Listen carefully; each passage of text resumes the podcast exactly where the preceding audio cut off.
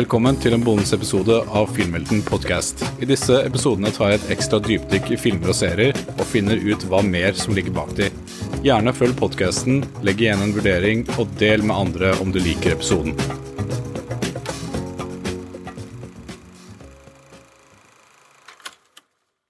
Jeg hadde jo ikke tenkt til å lage en ekstra bonusepisode før jeg eh, var tilbake med en hovedepisode fra, fra med torsdag denne uken. Men så så jeg The Iron Claw, eh, den nye biografifilmen med Zac Efron av eh, Sean Durkin. Og jeg har jo allerede snakket litt om filmen på Instagram og TikTok, men jeg kjenner at jeg er nødt til å snakke mer om denne filmen, fordi jeg ble så innmari imponert over prestasjonene her, spesielt av Zac Efron. Han gikk jo over all forventning, og, og, filmen i tillegg er liksom ja, en frisk pust da, i biografisjangeren som spesielt i 2023 og 2024 trengs.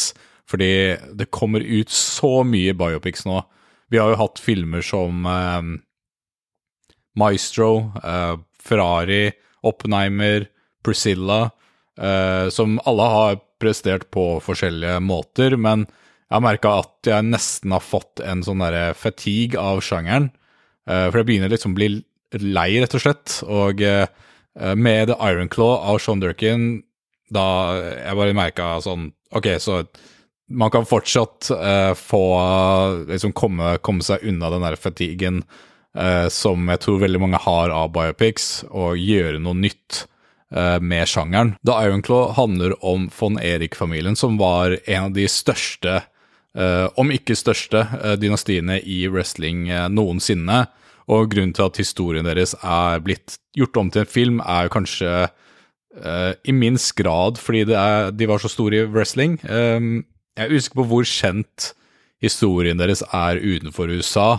Um, men dette er altså kanskje den sykeste familietragedien du kommer til å se. Uh, jeg, jeg, var ikke kjent med historien før jeg så liksom, filmannonseringen, at uh, Zac Efron og Jeremy Allen White og Harry Stickinson skulle spille i en uh, ny biopic. og så nysgjerrig som jeg er, måtte jeg bare lese om historien deres. Hvem er denne familien her? Og jeg ble bare slått ned i bakken av det jeg leste om denne familien her. Jeg skal ikke ha skylda for å spoile dette for deg. Så hvis du er veldig nysgjerrig på hva dette dreier seg om, kan du google det, for det er ganske kompliserte greier. Uh, men filmen fokuserer på fire brødre, men de tre eldste er i hovedfokus. Og Zac Efron spiller Kevin von Eric. du vet jo helt sikkert hvem Zac Efron er, det regner jeg med. Er du en ekte OG, så kjenner du han sikkert igjen fra High School Musical, selvfølgelig så spiller også The Bear-stjernen Jeremy Allen White. Den Jeg er litt usikker på rekkefølgen på brødrene her, men Kerry von Eric, som er kanskje en av de mellom, mellomste brødrene, han er også veldig god i Shameless, Jeremy Allen White. Så om du er fan av han, bør du sjekke ut den også, den serien. Den tror jeg er på HBO Max. Og den siste wrestlingbroren blir spilt av Harris Dickinson, som eh, de siste årene har eh, spilt i veldig mye, men blant annet eh, Triangle of Sadness og Where the Crawdads Sing. Um, han spiller altså en av de mellomste brødrene, han også, David von Erik. Og så har vi den yngste broren, Mike von Erik, som blir spilt av Stanley Simmons. Og eh, noe jeg fant ut i ettertid, er at eh, det faktisk er enda en bror som eh, ble ekskludert fra denne filmen. Um, Chris von Erik, som var den egentlig yngste broren, men i filmen så er det Mike von Eric som er den yngste. Men han, han ble visst ekskludert fordi det var så mye historie å fortelle med de fire største brødrene. Og jeg tror sånn generelt sett at filmen tok noen kreative grep for å eh, klare å passe all historie i bare én film. Så regissøren sa selv at de ikke klarte å liksom Altså, de hadde jo ikke så mye tid som en Gudfaren-film, liksom. Så de måtte liksom cramme inn alt, alle denne, denne kompliserte familiehistorien i en uh, totimersfilm, da. Og til slutt så har vi Holt McCalney fra Mindhunter og eh, Mario Tierney, som eh, har spilt i The Fair, blant annet. Uh, de spiller altså far og mor. Når det kommer til denne type sjanger, altså biopic, så føler jeg at filmen ofte kan gi en sånn Oscar Beatty-smak. Det synes jeg spesielt med Maestro, som egentlig var en helt grei film. Jeg hater den ikke like mye som mange andre har gjort på Twitter, men man merker at Bradley Cooper prøver veldig hardt å vinne den Oscaren. Uh, og nå skal jeg ikke kaste Bradley under bussen her, men jeg bruker det bare som en sammenligning. Fordi The Iron Claw mener jeg er et godt eksempel hvor det å fortelle en sann historie føles uh, grounded og naturlig. Det er ikke liksom en uh, Det er ikke én skuespiller som er så liksom nedsenket i sin egen karakter at han glemmer liksom alt annet, an, andre rundt seg på liksom, filmsettet, og det føler jeg kanskje det var caset med Bradley Cooper som Altså, det er jo ganske lett å gjøre når man er hovedrollen eh, og har regissert og skrevet. Da blir det veldig, veldig mye over the top, kanskje litt sånn overdreven eh, skuespillerprestasjon. Altså, igjen, jeg, jeg syns dette var Bradley Cooper leverte ganske bra, men det er i hvert fall den kritikken han har fått. Men istedenfor i The Iron Claw da, så har alle skuespillerne forståelse for historien de skal fortelle, og det er en helhetlig historie hvor alle karakterene har mye å si for hvordan det utspiller seg. Um, det er liksom hver eneste skuespiller man merka at de, de, visste virkelig hvor denne Altså budskapet til filmen, eh, hvordan filmen skulle bli laget, eh, hverandres karakterer, de spilte liksom volley med hverandre skikkelig bra, hadde god dynamikk. Uh, og i The Iron Crow er det ikke om å gjøre å ligne på mennesket man spiller heller. Uh, altså mennesket fra virkeligheten. Det handler om den forståelsen av det større bildet. Uh, skuespillerne tok den utfordringa og leverte en skikkelig troverdig og ekte historie som kommer til å sitte igjen med deg lenge og uh, treffer deg virkelig sånn rett i hjertet. Kjernen i handlingen til The Iron Claw er eh, toksisk maskulinitet, eh, isolasjon og kjærlighet. Jeg sitter skikkelig pris på liksom hvordan hvor ærlig filmen eh, er om akkurat dette temaet. Det er noe jeg tror er um, viktig å fortelle i dag. Det er liksom full fokus på mental helse for menn, spesielt i den verden vi er i i dag, da, i, med så mange forventninger og falske ideer vi får fra sosiale medier. Det eneste disse brødrene vet om i livet, er wrestling, muskler og eh, det å skape en personlighet og fjes for underholdning. Det er null liksom, glorifisering rundt dette her, eh, og forteller effektivt hvor farlig det kan være å ikke kjenne seg selv altså, ikke finne sin egen sårbarhet eller uh, identitet. Og Zac Efron har bygget på så mye muskler for karakteren sin at det er liksom ukomfortabelt å se på. Uh, det livet der ser deprimerende ut og meningsløst ut. Det, det er det samme med de andre brødrene også. Eh, altså, når blodårene tyter ut som du, du Altså, du kan se det fra lang avstand. Uh, og det forteller virkelig hva disse menneskene har gått gjennom, de menneskene de spiller. De får så mye press av faren sin at uh, de ikke klarer å finne seg selv. Alt de har lært, er liksom pumping av muskler og wrestling.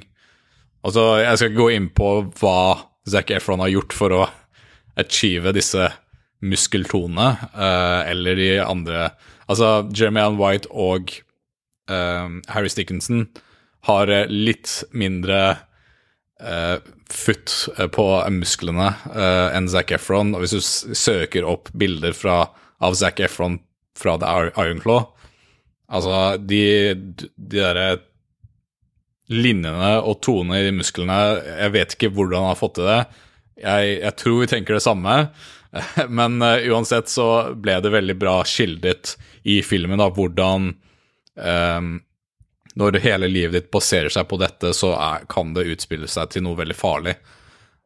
Det er en godt laga wrestlingfilm uten at jeg vet så mye om wrestling, og eh, en god biopic og skildring av kjærlighet, tap og mental helse.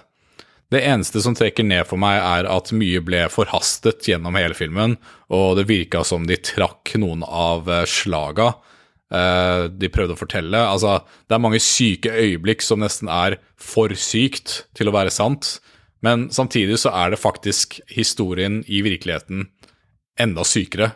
Det er nesten som de har måttet liksom tone ned hva som virkelig skjedde.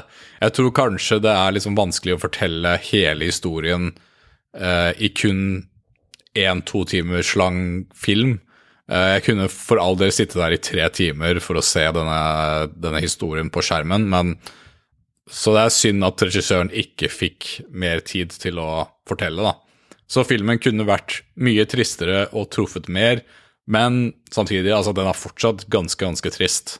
Jeg bare Jeg tror den kunne ha vært tristere. Uh, jeg tror også det hadde hjulpet en del å få noen øyeblikk med brødrene for å vise deres uskyldighet og bånd sammen, og kanskje flere scener da, da de var yngre, fordi de går ganske rett på sak med hele wrestling-biten. Men Zac Efron, hatten av for han, han, han leverte over all forventning. Og jeg, jeg, visste ikke at han hadde det i seg i det hele tatt. Og jeg, jeg blir ikke overraska om det kommer en liten Oscar-nominasjon for han, for jeg, jeg, tror åpenbart at han har stor sjanse for det. Noen ganger så kommer det en sånn derre uh, siste liten Oscar-praise uh, for en uh, skuespiller. Um, det var en i fjor som også fikk en sånn derre last minute Oscar-buzz som også var litt sånn kontroversielt, fordi det var litt sånn spørsmål om hun hadde liksom Oscar-kampanje for seg selv lovlig. hvem var det? Ja, det var Andrea Riceborough som spilte i Hun spilte i To Leslie i fjor. Um, Nei, ikke i fjor. Vi er i 2024. I, I, 2022. Um, så hun ble liksom nominert med, med altså uh, Kate Blanchett og uh, Michelle Yeoh og um, uh, Michelle Williams, om jeg husker riktig.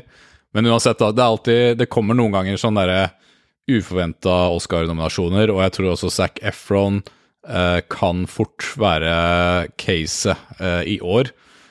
Um, jeg heier faktisk på han. Det er alltid gøy med disse underdogsa under uh, award season. Nå er jo Zac Efron stor fra før av, men han hadde jo ikke akkurat vært den første man tenker på når man tenker på gode skuespillere.